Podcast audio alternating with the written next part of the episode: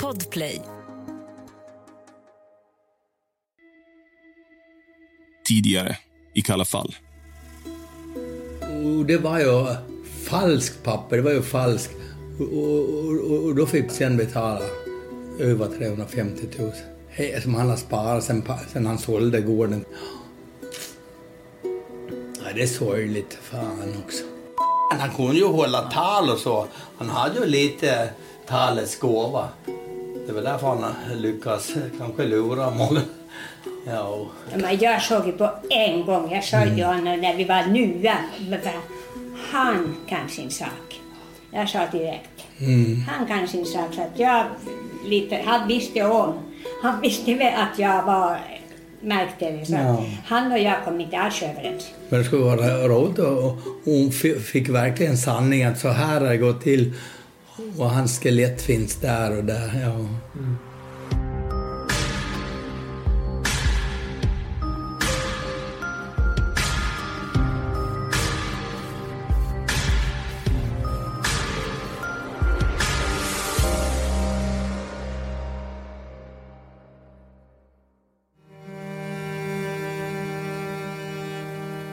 Åren som följde efter Sven Sjögrens försvinnande hade Bulvanen, hans sambo Hjördis och styvdottern Helen bott kvar i den fina villan vid havet i Brissund. Bulvanen jobbade vid det här laget som oljeborrare under den kortvariga oljeboomen som rådde på Gotland under 1970-talet. Men relationen mellan Hjördis och Bulvanen hade blivit allt sämre. Han hade börjat dricka allt mer. Han var konstant otrogen med olika kvinnor och han hade blivit allt mer våldsam. Han sa till mig en gång att när jag dricker vin så blir jag snäll och god. Men inte när han drack sprit. Ja. Och han, var, han blev intressant i tjejers tycke om inte annat. Ja, det sa han själv. Speciellt när han satt inne eller hade sitt inne. Det gick inte bara så här, hej då, nu är det slut. Så, Nej. det funkar inte liksom. Men det, alltså, Det är ju han hade sån makt. mordförsöket egentligen. Ja, en sån psykisk makt över så att man inte vågade ta sig fri heller. Det tar ju lång tid för det att komma fri. Men under hösten 1975 hände någonting som gav Hjördis en möjlighet att bryta sig loss ur det destruktiva förhållandet. Då anlände nämligen en fransk-israelisk äventyrare vid namn Avi Delat som råkade hamna på Gotland av en slump. Han hade egentligen tänkt ta sig till Finland genom att lifta. Men bilen han fick lift av var på väg till Gotland. Han hade då bestämt sig för att han lika gärna kunde följa med passa på att se Gotland som han aldrig tidigare hade besökt. Den han fick lift av visade sig vara en bekant till Bulvanen och så småningom hade han hamnat i Brissund. Där blev han hjärtligt inbjuden av Bulvanen att få mat och husrum i utbyte mot att han hjälpte till med huset. Och han hjälpte till lite här. Han var lite allt i allo och så. Han skulle bygga bastu i bunkersen här, kommer jag ihåg. Han började med det. Det är fortfarande Jaha. lite inredning kvar där. Är det? Ja, det vart det. Nej, men alltså det jag kommer ihåg från Avi, för vi sa alltid Avi. Ja. Han sa Från Israel, att, så. att han var från Israel och att han var en kommando, leg, legionär, sån här kommandosoldat ifrån Israel som hade varit med i kriget. En kommandosoldat till då. Ja, men båda två. Så att de är ju stöpta i samma form. alltså. Ja, de ja, trivdes ja, ju bra tills det... Så liksom. Men med tiden hade Avi märkt att Bulvanens beteende gick ut över Hjördis och han hade börjat ta hennes parti. När Bulvanen ännu en gång hade åkt till Stockholm för att träffa någon annan kvinna hade Hjördis och Avi inlett en relation. Men hur, hur kan det vara att ni har fastnat för de här? här då? Ja, säg det. Ja. Nej, det lät har jag inte fastnat för, det kan jag säga. Nej. Men han var, han var bra att ha och få bort för det klarade man inte själv. Kort därefter hade Bulvanen insett vad som höll på att hända och han hade utsatt Hjördis för en särskilt kraftig misshandel. Avi hade då gått emellan och blivit knivhotad av Bulvanen. Det hela hade blivit en polissak och Bulvanen hamnade i häkte. Därefter inleddes en bitter kamp om huset mellan Hjördis och Bulvanen. Hjördis hade den juridiska rätten på sin sida Hon stod nämligen som ensam ägare till huset då bulvanen varit tvungen att överlåta sin halva på grund av alla hans obetalda skulder till Kronofogden. Hjördis berättar att hon och Avi hade barrikaderat sig i huset. Och här ute från eh, balkongen så hängde han kättingar så att han skulle kunna ta tag i dem och, och fara iväg och, och slå ner honom om han kom där. Vilka herrar det finns. Va? Men bulvanen hade en sen kväll dykt upp och slängt ut Hjördis, Helen och Avi. Alltså jag kommer ihåg det var mitt i natten som vi åkte i bilen härifrån. Du stod din, min och brorsan in i bilen. Så åkte vi hem till mormor och morfar i Åten. Mitt i natten. För att liksom kunna ta sig fri på något sätt. Liksom. Det, det var så här drastiskt. Det hela hade slutat med en våldsam uppgörelse. Avi besökte villan i Brisund för att försöka få tillbaka en del pengar som bulvanen var skyldig honom. När Avi knackade på dörren drog bulvanen en kniv. Men Avi fick tag i ett släggskaft och när han försvarade sig slog han bulvanen med flera slag i huvudet så hårt att skallbenet krossades. Oh, ja, han slår ju ner han krossade skallen på då, då var jag i, hemma hos min förälder. Så fick ju ligga på lasarett. Ja. För Hjördis var mardrömmen äntligen över.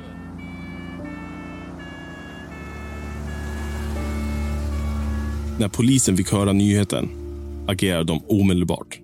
För jag åkte in i förhör med en gång polisen fick reda på att det var slutet mellan oss. Det visade sig också, mycket riktigt, att det fanns saker som Hjördis inte vågat tala om i de första förhören. Jag vet att han var borta den natten.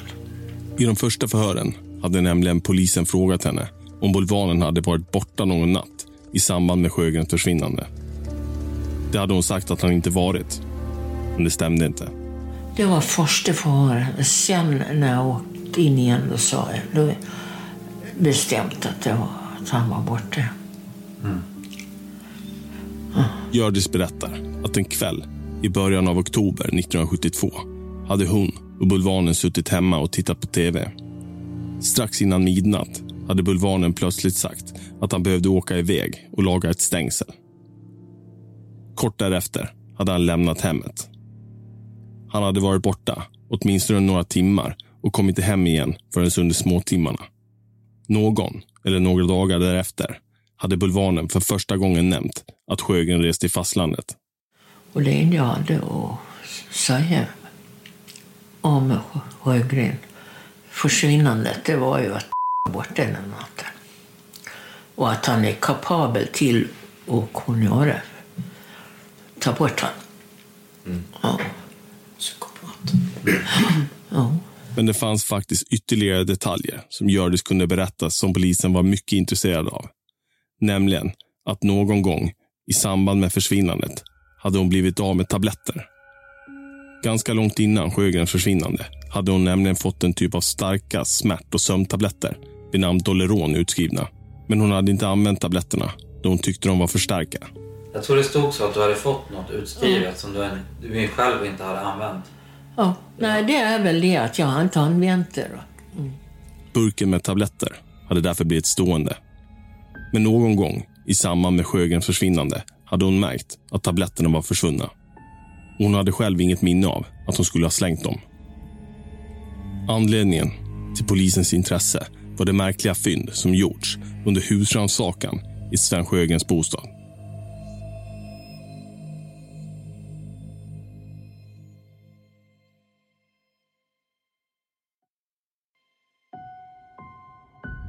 När polisen undersökte sovrummet hade de nämligen kunnat konstatera att en tunnflytande vätska som såg ut som maginnehåll hade sprutat i riktning från sängens huvudända och ut över en tv-apparat som stod intill sängen. Med tanke på att man inte hade hittat några tecken till våld eller strid så var det ett av få verkligt avvikande fynd som gjordes i huset. Med ledning av dammlagret och de föremål som låg uppe på tvn så hade man också kunnat konstatera att uppkastningen måste ha skett i direkt anslutning till, eller i alla fall väldigt nära inpå, försvinnandet. Ni hör Margareta Hoas, dotter till kriminalteknikern Eski Hoas. Pratade eh, Eskil nå- nå- någonting om den här uppkastningen och det? Nej, det var någonting som jag inte kände till. För det verkar ju varit en sån här grej som polisen eh, höll, höll på. Ja, just det. Mm. För att eh, det gick de ju inte ut i några tidningsartiklar eller Ja, just det. någonting Nej, sånt. precis. Polisens misstanke var att det skulle kunna röra sig om en förgiftning. De hade därför säkrat prover både från uppkastningen och från en tillbringare med mjölk i finrummet som Sjögren troligtvis hade druckit ur kort innan försvinnandet. Proverna hade skickats till dåvarande SKL, Statens kriminaltekniska laboratorium, som idag motsvaras av NFC. Men analysen hade dragit ut på tiden och det hade dröjt ett och ett halvt år innan slutrapporten från SKL anlände. Och rapporten skapade snarare fler frågetecken än den gav svar. Sammanfattningsvis hade man nämligen inte kunnat påvisa några spår av gifter. Vad man däremot hade hittat var en svag förekomst av grundämnet silver som fanns både i mjölken i tillbringaren och i proverna från uppkastningen. Men i mjölkkannan i Svens kök, som mjölken kom ifrån, fanns däremot inga spår av något silver. Den mest logiska slutsatsen var därför att något ämne som innehöll silver måste ha hamnat i mjölken i tillbringaren i finrummet, druckits upp av Sven Sjögren och slutligen kräks upp på tv-apparaten i sovrummet. Men vad innebar då allt detta? För att försöka få lite mer klarhet har jag pratat med en person som har koll på det här med giftmord. Simon Ström heter jag. Jag är nybliven läkare, eh, studerat vid Karolinska institutet eh, och jag har gjort ett examensarbete inom rättsmedicin då, där jag har försökt kartlägga svenska giftmord under en period från 90-talet fram till 2019. Man kan väl säga att giftmord är ovanligt. Ungefär ett fall per år känner vi till i Sverige. De giftmord eh, vi känner till i Sverige och väst är framför allt eh, läkemedel och droger. Inom förgiftningar brukar man tala om de tre klassiska gifterna. Ja, eh, man brukar prata om de tre stora gifterna i klassiska giftmord. Och då pratar vi lite så Agatha Christie-kontexter. Och då är det framförallt cyanid, arsenik och stryknin. Eh, arsenik eh, det är en tungmetall som används i bland annat jordbruksgifter. Eh, det är ett gift där man vid akut förgiftning får i princip en gastroenterit, det vill säga en maginfluensa eh, och eh, problem med nervsystemet och eh, problem med cellandningen. Att man eh, inte kan syresätta cellerna i kroppen och dör. Cyanid eh, brukar vara ofta lite mer dramatiska eh, insjuknaden. Brukar likna hjärtinfarkt, kan man säga. Rätt vanligt att man kräks och blir yr i samband med akut förgiftning. Eh, det har också att göra med kroppens förmåga att syresätta cellerna. Och det här är det klassiska giftet som finns i såna här självmordskapslar som eh, användes under andra världskriget och, och andra sammanhang. Sen finns det det tredje giftet, då, stryknin. Där brukar man kvävas. Eh, eller på det liksom mer klassiska sättet att det är ett nervgift som gör att eh, kroppens eh, muskler eh, kontraherar eh, som en epileptisk kramp. Eh, man får det som heter eh, laktacidos. Man blir sur i kroppen och eh, andningsmuskulaturen klarar inte av att eh, fungera och då kvävs man.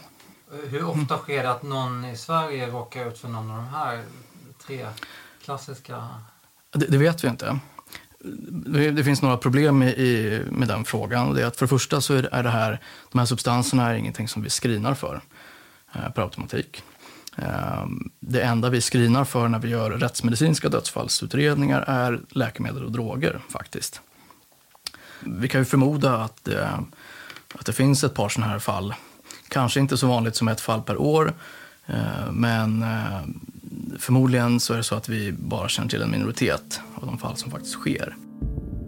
Att SKL inte lyckades påvisa något gift innebär därför inte att man kan utesluta att en förgiftning verkligen skett. Och du har ju kikat lite grann på de här brottsplatsundersökningarna och de här dokumenten, eh, SKLs analyser. Vad säger du rent spontant eh, angående det då? Känns det som att eh, man skulle kunna tänka sig att det kunna föreligga någon typ av förgiftning i det här fallet?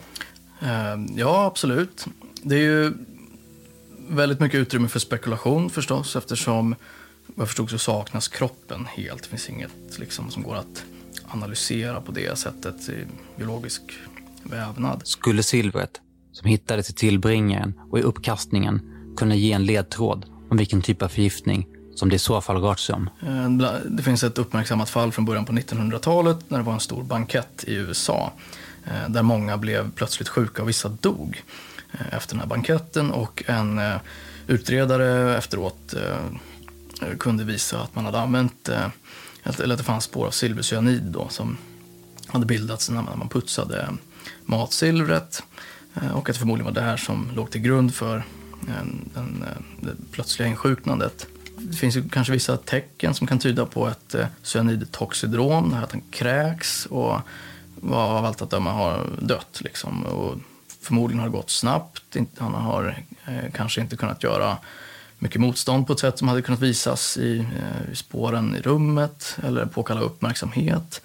Det skulle kunna vara förenligt med en cyanidförgiftning. Det är väldigt intressant. Men det kan vara så att eh, han har fått i sig silvercyanid. Eh, i princip får ett hjärtstopp. Eh, kräks, yrsel, snabbt sänkt medvetande. Och generellt med cyanid så är det ett hastigt förlopp. Får man i sig tillräcklig mängd och det hinner liksom sväljas ner och, och gå in i blodet så eh, är man sannolikt död inom minuter. Det vågar jag nog säga. En anledning till att vi misstänker att Sven Sjögren skulle ha kunnat bli utsatt för en förgiftning var hans stora fysiska styrka.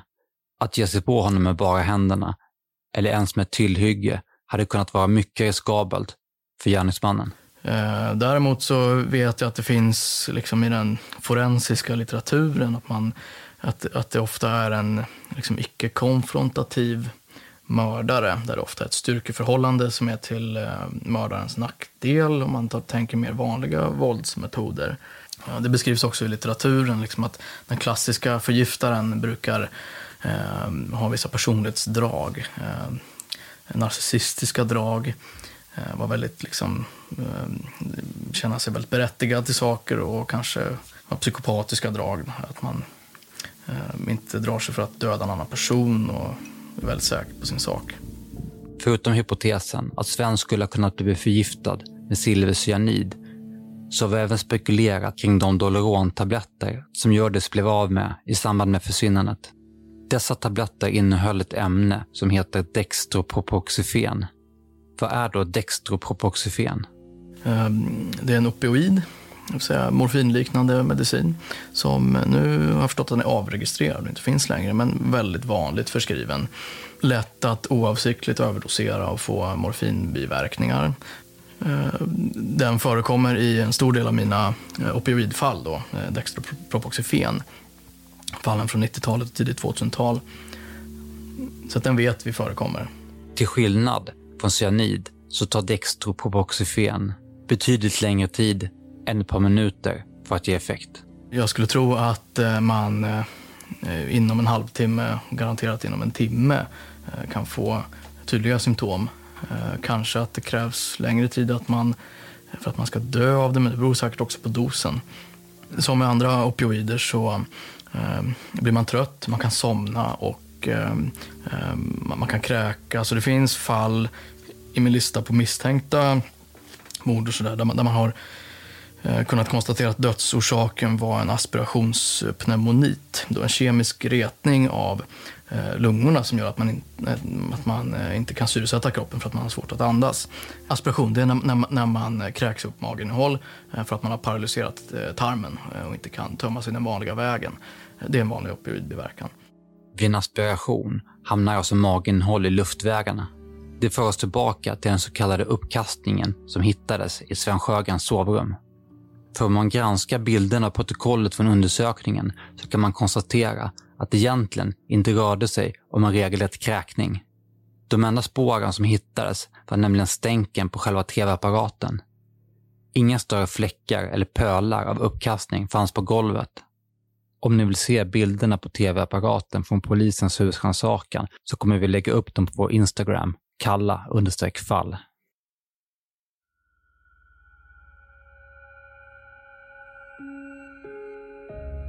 Det var alltså snarare frågan om maginnehåll som hade hostats ut i riktning mot tv-apparaten.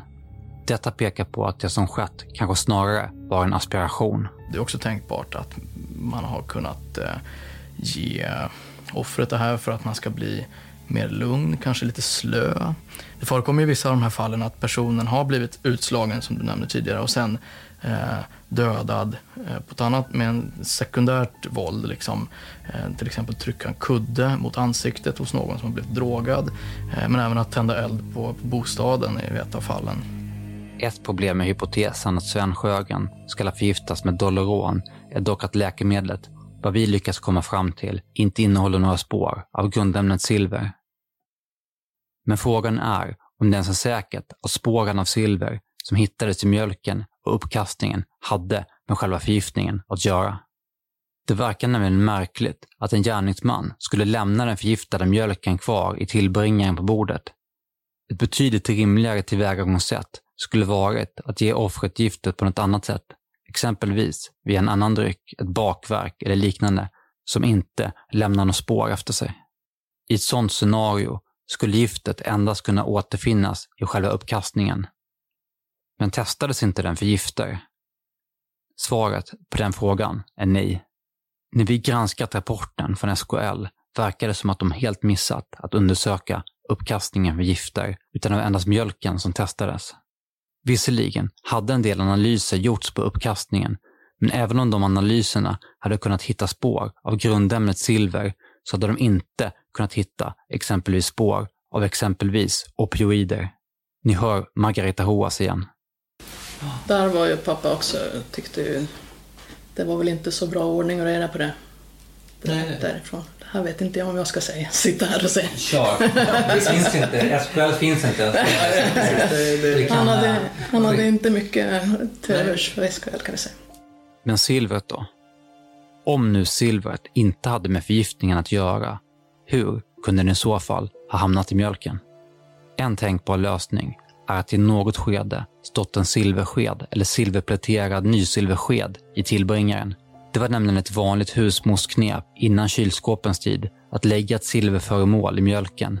Silvret reagerar då och skapar ämnen som verkar bakteriedödande och förlänger hållbarheten på mjölken med upp till en vecka. Tittar man noga på bilderna från husrannsakan kan man också se att det mycket riktigt ligger en silverglänsande sked på svenskt köksbord i närheten av kannan som mjölken kommer ifrån. Med dagens teknik skulle det sannolikt gå att avgöra om en förgiftning skett och i så fall med vad. Vi har därför letat efter proverna från uppkastningen, både hos Visbypolisen och hos SKLs efterträdare NFC. Än så länge utan resultat. Så länge proverna saknas så kommer den mystiska uppkastningen sannolikt fortsätta vara ett av det här fallets stora olösta frågetecken.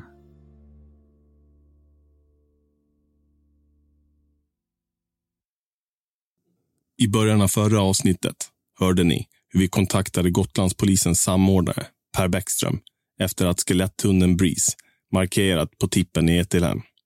Redan sommaren 2021 hade Sveriges Radio P4 rapporterat om vårt samarbete med polisen. Polisen på Gotland har utsett en samordnare för nya försök att leta efter den försvunna Sven Sjögrens kvarlevor. Detta efter att ett tjugotal frivilliga i helgen gått skallgång i skogen vid gamla tippen i Etelhem där nya tips gjort gällande att Sven Sjögrens kropp kan ha grävts ner hösten 1972. Sven Sjögren var från Lummelunda och tros ha blivit mördad. Kriminalinspektör Per Bäckström. För det första så får man säga att det är ingen förundersökning som pågår utan den här mordutredningen som var i det här ärendet är ju nedlagd sedan många, många år tillbaka. Så att kvar har vi ju polisiärt en försvunnen person och eh, där har vi bestämt oss för att ställa upp med väldigt begränsade resurser från polisiär sida. Vilken typ av Eh, resurser kan ni lägga? Ja, det blir jag som kommer ha någon form av samordningsfunktion och sen har vi också med oss en forensisk arkeolog då, som är polis som kommer att biträda med vissa saker. Vi får, vi får en prioritetsordning sen vad vi ska undersöka men han har tillgång till teknisk utrustning för att undersöka marken. Det är bland annat en så kallad markradar. Vad kan man se med den typen av utrustning? Ja, jag är ingen tekniker själv, men det är en, en utrustning som man skannar av marken helt enkelt till några meters djup och kan, kan se vad som finns i marken. Då. Vi hade då träffat Per Bäckström för ett inledande möte ett par veckor tidigare. Per Bäckström heter jag. Eh, kriminalinspektör är väl min titel. Och, eh, jag har jobbat på Gotland i 18 år nu. Och just nu håller jag på med utredningar. Det är mest narkotika, stöld som jag håller på med och våldsbrott. Vi kan ju börja med att fråga hur det kommer sig att eh, vad heter det, du har fått ta över så här gammalt. Ja, för det första så är det ju inte, det är ingen mordutredning för oss Nej. längre, utan det är en försvunnen person vi Mm. har. Och den lever ju, själva den försvunnen personutredningen lever ju, men vi har ju inte haft några uppslag att jobba med. Nej. Förrän egentligen eran podd drog igång här då. Precis. Ja. Så att eh, jag kommer att hålla i det från vår sida och Mm. till min hjälp kommer jag ha, om det behövs, en polisiär arkeolog då, som har utrustning för att undersöka marken med georadar och sådana saker. Precis. Och anledningen att jag fick det, det är inte för att jag är eh, speciellt lämpad för det, här, tror jag, Mm. utan det är för att jag bor i Lummelunda, Ja. har koll på terrängen runt Lummelunda. Mm. Och anledningen att jag håller, eller håller koll på Mm. terrängen är att jag håller på med speleologi och grottor Jaha. och sånt. då. Så att jag, jäklar. Ja. ni har ju, om jag fattar podden rätt så har ni hållit på med det här också. Ja, just det. Guidat och haft Ja. det. Men de tips vi har fått in i alla fall, det är inte, inte alls mycket. Det är handskrivet här från någon herre och det handlar ju om eh, jag vet inte hur väl ni känner till, men bortåt Martebo till. Mm. Någonting där då. Mm. Och sen finns det ett tips om det här som jag har pratat om här då. Och det har jag märkt ut platsen. Ja. Och de vill inte vara med på bild just nu Nej. i alla fall. Nej. Men vi, de har ju visat mina kollegor Ja. platsen och den har jag märkt ut för då har de visat mig. Ja, får vi titta på det här? Ja, det är ju inga hemligheter, det är klart ni får. Det är ju inte, det är inte ens en förundersökning som Nej. pågår. Nej. okej. Det är ju någonting som vi skulle kunna använda den här georadarn Mm. till i så fall. Då. Mm. Och den killen, det är, ju- han, han är ju Ja. på G. Jag har ju snackat med Ja. honom. Han är Ja. jättemotiverad för det. Det är så? Ja, Ja. absolut. Ja. Så att eh, skeletthund har jag kollat också. Eh, det fanns en sån, Mm. polisiär. Mm. Den, har, den finns inte längre, den hunden. Nej. Eh, det är det jag har till Mm. förfogande, så Mm. att säga. Vi berättade om hur vi under snart tio års tid hade granskat fallet och vad vi dittills kommit fram till. Du hade ju hört talas om det här Sjögrenfallet redan innan, men jag kom i kontakt med det första gången när jag jobbade på Gotland. Då. Ehm, så, ja, vad vi gjorde, vi, var, vi intervjuade allihopa runt, runt omkring i området. Så att säga. Eh, och försökte bygga någon form av kunskapsbank och titta i tidningarna och sådär. Och, Mm. och vi kunde komma över Och till de början med- gamla poliserna då som var, var med, Ja, just det. eh, Borin och eh, Eskil Hoas och Bertil Bonnevier. Ja. Eh, som vi intervjuade då. Eh, Och sen till slut så tog vi kontakt med polisen och frågade om vi inte kunde få titta i utredningsmaterialet. Och eh, då fick vi göra det. Och på den vägen är det egentligen. Mm. Men ja, vi är ju lite sugna på att se om man inte kan lösa det här nu. Ja, precis. Det hade ju varit kul att se hur nära man kan komma eller liksom om man faktiskt kunde hitta det som finns kvar. Mm. Eh, då. Målet är att vi ska hitta, hitta kvarlevorna. va? Det spelar inte så stor roll vem som gör det egentligen. Vår slutsats, efter att ha gått igenom hela utredningen, var att Sjögrens försvinnande inte verkade vara resultatet av ett dråp, ett urspårat bråk eller liknande, utan att det mesta talade för att det sannolikt rörde sig om ett planerat och överlagt mord. Den person som huvudsakligen verkade ligga bakom denna planering var Bulvanen. Han hade nämligen bevisligen börjat lägga ut villospår så långt som en månad innan försvinnandet. Vidare hade han ljugit för polisen om omständigheterna kring försvinnandet och det var till stor del tack vare hans uppgifter som polisutredningen hade kommit igång i ett så sent skede. Slutligen var han den sista kända person som sett Sven i livet. Sammanfattningsvis talade allt för att Bulvanen var gärningsmannen, eller allra minst djupt inblandad i försvinnandet. Under vår granskning av fallet hade vi lagt särskilt mycket energi på att försöka sammanställa en tidslinje för dagarna runt Svens försvinnande. Vi hade under det här arbetet identifierat två särskilt intressanta tidsperioder där Bulvanens version av händelseförloppet skiljer sig på ett anmärkningsvärt sätt från vad polisen senare lyckats konstatera. Vår misstanke var att Bulvanen använt dessa tidsperioder för att städa bort bevis och göra sig av med Svens kropp. Den första intressanta tidsperioden är natten i samband med försvinnandet där bulvanens dåvarande sambo berättade att han lämnat huset under förevändningen att han skulle laga ett stängsel. Den andra intressanta tidsperioden är mitt under dagen, fredagen den 6 oktober. Den sista dagen som bulvanen hävdar att han hade träffat Sven Sjögren. Enligt bulvanen hade han och Sven denna fredag varit tillsammans inne i Visby. De hade bland annat ätit lunch på Domus kafeteria och slutligen hade bulvanen släppt av Sven i ett förortsområde där Sven hade sagt att han skulle besöka någon bekant. Enligt bulvanen var det sista gången han såg honom. Men polisens utredning hade visat att uppgifterna inte stämde och att bulvanens berättelse verkar vara uppbyggd av fragment från andra dagar samma vecka.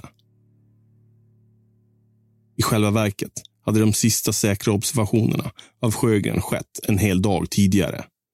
Det mesta talade för att Sven under fredagen inte längre var i livet. Men varför hade då bulvanen gjort sig besväret med att konstruera en helt ny tidslinje för fredagen? Vår slutsats var att någonting uppenbarligen måste ha skett den dagen. Någonting som bulvanen till varje pris ville dölja. Kanske var det till och med då bulvanen slutgiltigt gjorde sig av med kroppen. Även om ingen hade sett Sven den dagen så hade ett par personer träffat bulvanen. Dels på morgonen och dels på eftermiddagen i samband med att han hämtade och lämnade sin sambo på hennes arbetsplats. Men mellan cirka klockan 09 till 15 är hans förehavanden helt okända. Eller var de helt okända?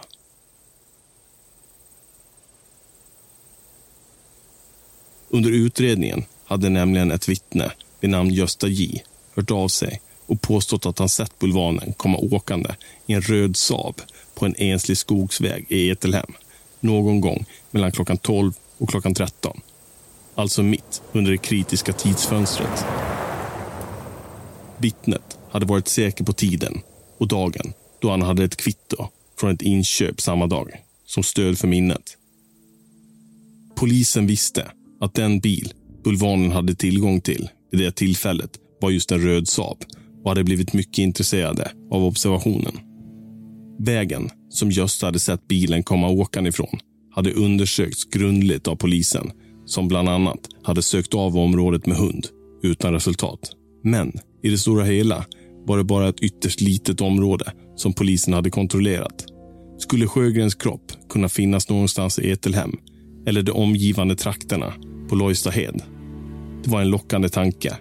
Det här är nämligen trakter där bulvanen har växt upp och som han kände mycket väl.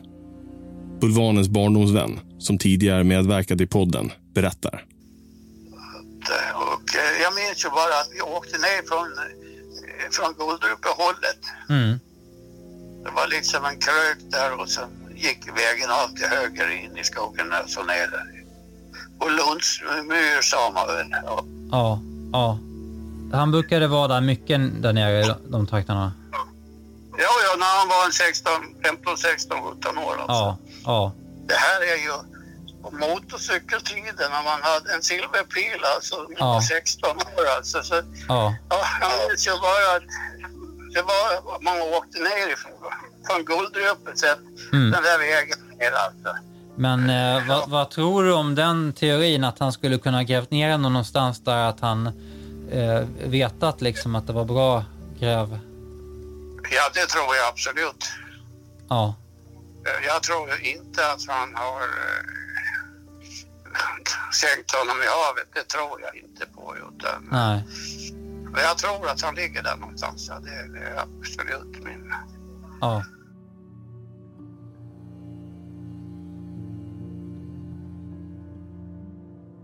Tidigt under våren 2021 så hade vi också fått kontakt med en person som varit ytligt bekant med bulvanen och som pekar ut en annan plats i Etelhem som potentiellt intressant, nämligen den numera nedlagda soptippen. Han, eh, han eh, skickade ett mejl till mig. Så att, eh, jag ringde upp han och han presenterar sig då som Och då finns det då span på att han då har varit ute eh, ihop med bulvanen då. Ja. Eh, och att de, de har någonting ihop eh, som polisen tror är eh, att de har någon knarkförsäljning av något slag. Så det blir ju intressant redan där när han presenterar sig och så här. Och eh, det han berättar om är att eh, eh, han, eftersom han känner till eh, bulvanen då, så vet han om att han är ute och liksom vaktar på den här tippen. Då. Att han, är, han får känslan av att han är där och liksom ser till att allting är okej. Mm. Eh, och när han då pratar med honom om det här, han liksom frågar inte om Sjögren, så, utan han frågar bara vad gör du här? Eh, så berättar han att eh, han är där och samlar järnskrot. Mm. Och han bor ganska långt ifrån vid tillfället, så att ekonomin går inte ihop. Liksom. För att plocka järn? Ja, det, det, det stämmer inte. Eh, och han tänker då att han är där och, och vaktar den här platsen för att se, eller se Mm. till att ingenting har kommit upp eller att platsen ser okej ut. Personen kunde dementera polisens misstanke om att det pågick några knarkaffärer mellan honom och Bulvanen. Men han berättar att han i alla år har funderat över varför Bulvanen besökte just den här tippen så ofta. Jo, men för det var han var, kom inte med någon gång så där, i- där i, i Lye med massa järnskrot på den där pickupen. Han hade en gammal blå sån här folkapickup för mig. Och Det finns ju för fan ingen ekonomisk vinning att och, och, och, och leta järnskrot på en tipp och åka in och sälja. Nej. När man får fem öre kilot. Nej. Och knappt det. Så någon, någon anledning hade han ju varit på tipparna. Bulvanens före detta sambo Hjördis och styvdottern Helen kan dock berätta att Bulvanen ofta brukar besöka just soptippar. Han, han, han, eh, jag vet inte om det är sant. Är det det? Men mitt dockskåp. Det sa han att han hittade på tippen. Ja, men det är väl inget konstigt. För det är... Och han hittade allt möjligt på tippen. Ja, ja, ja. Det är många som har gjort det. Folk slängde ju. för- Istället för att ha loppis eller något sånt där. Dessutom är det en ganska bra bit mellan vägskälet där Gösta J gjorde sin observation och tippen Etelhem, så det är mycket lätt att kunna tänka sig att det endast rörde sig om en slump. Men vi kunde ändå inte släppa Etelhem-spåret. För när vi granskade utredningen hade det nämligen visat sig att det inte endast var Gösta J som hade tipsat polisen om en röd bil i Etelhem under fredagen den 6 oktober. Någon vecka efter det att Gösta J hört av sig till polisen så hade nämligen även en kvinna hört av sig. Vi kan kalla henne Ingrid. Hon hade berättat att även hon hade åkt på samma väg som Gösta vid ungefär samma tid, fast åt andra hållet. Vi vet att det blir förvirrande med de olika tiderna och platserna för observationerna och kommer därför lägga upp en karta på vår Instagram, kalla understreck fall. Att det verkligen var fredag den 6 oktober visste hon i och med att hon var på väg från tandläkaren och hade kvittot från besöket kvar. Kort efter att hon kört in på skogsvägen så hade en röd bil kört ut framför henne på en avtagsväg. Eftersom hon hade en väninna i området som hon visste nyligen hade skaffat en ny fästman så att de blev nyfiken. Kunde det här vara den nya fästmannen? Hon hade därför lagt registreringsnumret på minnet. När hon kom hem hade hon omedelbart slått upp numret i en uppslagsbok med registreringsnummer. Namnet hon fick fram hade tillhört en person i Visby som hon inte kände igen sedan tidigare. Men när polisen intervjuade henne så mindes hon fortfarande namnet. Namnet var identiskt med Bulvanens för och efternamn. Polisen blev naturligtvis mycket intresserad av hennes tips. De började med att försöka fastställa vilken bil det egentligen var kvinnan hade sett. Och de började därför leta igenom uppslagsboken som kvinnan hade använt. Men till sin förvåning så hittade de ingen person med bulvanens namn i hela boken. Besvikna så kände sig polisen tvungna att avskriva hela spaningsuppslaget med motiveringen att kvinnans uppgifter bevisligen inte kunde stämma. Men varför hade kvinnan ljugit om att hon sett bulvanens bil komma åkande från avtagsvägen? Sommaren 2021 fick vi ett mejl från en person som hade mycket intressanta uppgifter att lämna. Uppgifter som om de stämmer kan förklara gåtan och i förlängningen har potential att lösa hela fallet. Jag ringde upp personen. Hallå? Ja, men hej. Ja, tjena. Urban Jadek här. Ja, men hej. Har du... Sitter du illa till? Nej, det går jättebra. Själv då? Ja, trevligt. Nej, det är lugnt. Jag satt i bilen förut. Det var det som var lite marigt. Okej, okej. Ja, nej, men det är inget Nu, nu är det lugnare. Toppen, toppen. Eh, nej, men eh, det var ju intressanta uppgifter där som du eh, mejlade om förut. Ja, jag tycker själv att det är intressant och Mm. eh, jag har ju hört den här historien Mm. Ibland Mm. när, när, eh, under min uppväxt. Ja. Och eh, min pappa, men jag har, jag har liksom sett på det som en skröna, Mm. eh, hörsägen, Ja. eh, rykte. Mm. Men när jag började pressa min pappa på hur det faktiskt var, Mm. att det är eh, inte alls ett rykte och det är Nej. inte alls en hörsägen och det, det kommer från en handfull personer. Eh, men hur går historien liksom att det här skulle gå till och sådär då? Som jag skrev till dig så Mm. är det då två, ett stycken kärlekspar som Mm. har varit eh, i det här området i eh, sitt ärende så att säga. Mm. Och eh, exakt var ligger den här platsen då? Och det är alltså eh, en nedlagd soptipp i Etelhem.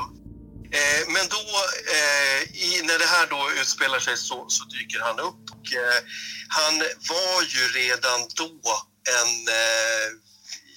ökänd person på Mm, Gotland. Det var mm. många som, som, som visste vem den här eh, mannen var. Absolut. Och han är ju också bördig ifrån ett ställe som inte är så långt ifrån Etelhem. Så att båda två eh, har, har identifierat honom. Eh, men det som också är viktigt, Mm. han har inte sett dem. Så att det är ju nästan den springande punkten. De, de har inte gett sig till känna och han Nej. har inte upp- uppmärksammat dem vid tillfället. Och eh, eh, det här har då varit lite hysch-hysch kring med tanke på situationen. Mm. Ja. Eh, man, mannen är död, kvinnan lever. Okej. Ja. Och hon, hon heter Och, och kunde de alltså, eh, identifiera vilken dag och sådär det här var i förhållande till övriga utredningen och liknande? Eh, det vet jag inte exakt, men enligt dem så är det den här dagen där ja. alibit sviktar betänkligt. Okej. Ja. Och eh, därav också eh, hela den här efterdiskussionen så att säga. Mm. Om Mm. det har varit en annan dag, en annan vecka, en annan, då hade det ju varit en bagatell. Men eh, liksom det är det som ger det här lite magnitud, att, Mm. att det faktiskt var den dagen. Mm. De, är in, de är införstådda med det. Mm. De, förstår, de förstår magnituden av att, att eh, tyvärr då hålla tyst. Och, och, och hur har deras, vad ska man säga, eh, diskussionerna och sådär kring det här varit då? Har det, Eh, nej, vad jag förstår i den här lilla kretsen så har det mer eller mindre varit locket på. Det är mera ett konstaterande. Vi var där, han Mm. var där. Mm. Eh, det är inget vi pratar om. mm. Har de sagt någonting mer om vad de, har, vad, vad de såg att han höll på med eller någon, någon, någonting sådant? Eh, nej, det, det, det vet jag inte i detalj. Eh, eller hur länge de var kvar eller om de då avvek. Eller, eh, det, det känner jag inte. Nej, och de vet om han kom med bil eller? Det, vet inte. Ja, bil. Mm. Ja. Men hur, hur detaljerna har varit eh, och vad de har berättat. Eh, jag, tror, jag tror min pappa har talat personligen med mannen som nu är död Mm. vid, vid något tillfälle. Men, Mm. men återigen, han och hon, den här har ju naturligtvis inte berättat det här för eh, många personer. Nej. Väldigt, väldigt, väldigt få personer Ja, vet, ja, vet om den här händelsen. ja. Och det har ju också hindrat min far från att gå till polisen. För att det blir ju lite grann en gentleman's agreement att eh, ja, jag, jag ska inte berätta om det här för i och med att Mm. ärendet, ärendet var som det var så att säga så är det inget, ingen som liksom har eh, gått till polisen med, med den här uppgiften. Nej. Kunde det vara så att en liten krets människor på mellersta Gotland hela tiden vetat sanningen om vad som hände Sven Sjögren? Men att sanningen av olika anledningar aldrig nådde fram till polisens öron. Det faktum att de två personerna i historien skulle ha befunnit sig just på tippen i Etelhem gjorde att vi drog oss till minnes en detalj från vittnesmålet med kvinnan och den röda bilen. Nämligen platsen där hon påstod att den röda bilen hade kört ut framför henne. Enligt henne hade den röda bilen kommit körande från den avtagsväg som leder till tippen i Etelhem. Nästa gång i Kalla fall. Jag vet ingenting om det här. Jag vet knappt vem han var, den här Sjögren, eller vad du pratar om. Eller. Det är ju märkligt. Polisen har flera sidor där man intervjuar dig om det här. Okej. Ja. när, när det var det där eh, och den började leta efter, efter han, då sa han till mig, Mm. så här, jag vet var han ligger, sa han. Ja. Jag står så här, sa jag, vad, vad, hur vet du det då? Ja, och jag kom åkande på gamla järnvägen och då, Ja. då, då var så, var de, hade de soptipp där nere och Ja. då var han där och höll på med något i bakluckan på bilen och ordnade och ner på, på slänten. Kalla fall görs av Urban Järdek och Tobias von Braun och produceras av Podplay i samarbete med produktionsbolaget Bangalore. Producent är Mats Liljenberg. Följ oss gärna på Instagram. Där kommer vi lägga upp bilder på sånt som vi tar upp i podden. Där heter vi kalla understreck fall. Har du några tips som skulle kunna bidra till att Sven eller Björn hittas? Tveka inte att höra av dig på tips.kallafall.com. Tack till Tempo Stenkyrka, alla som har donerat via Swish och tack för att du lyssnar på Kalla fall.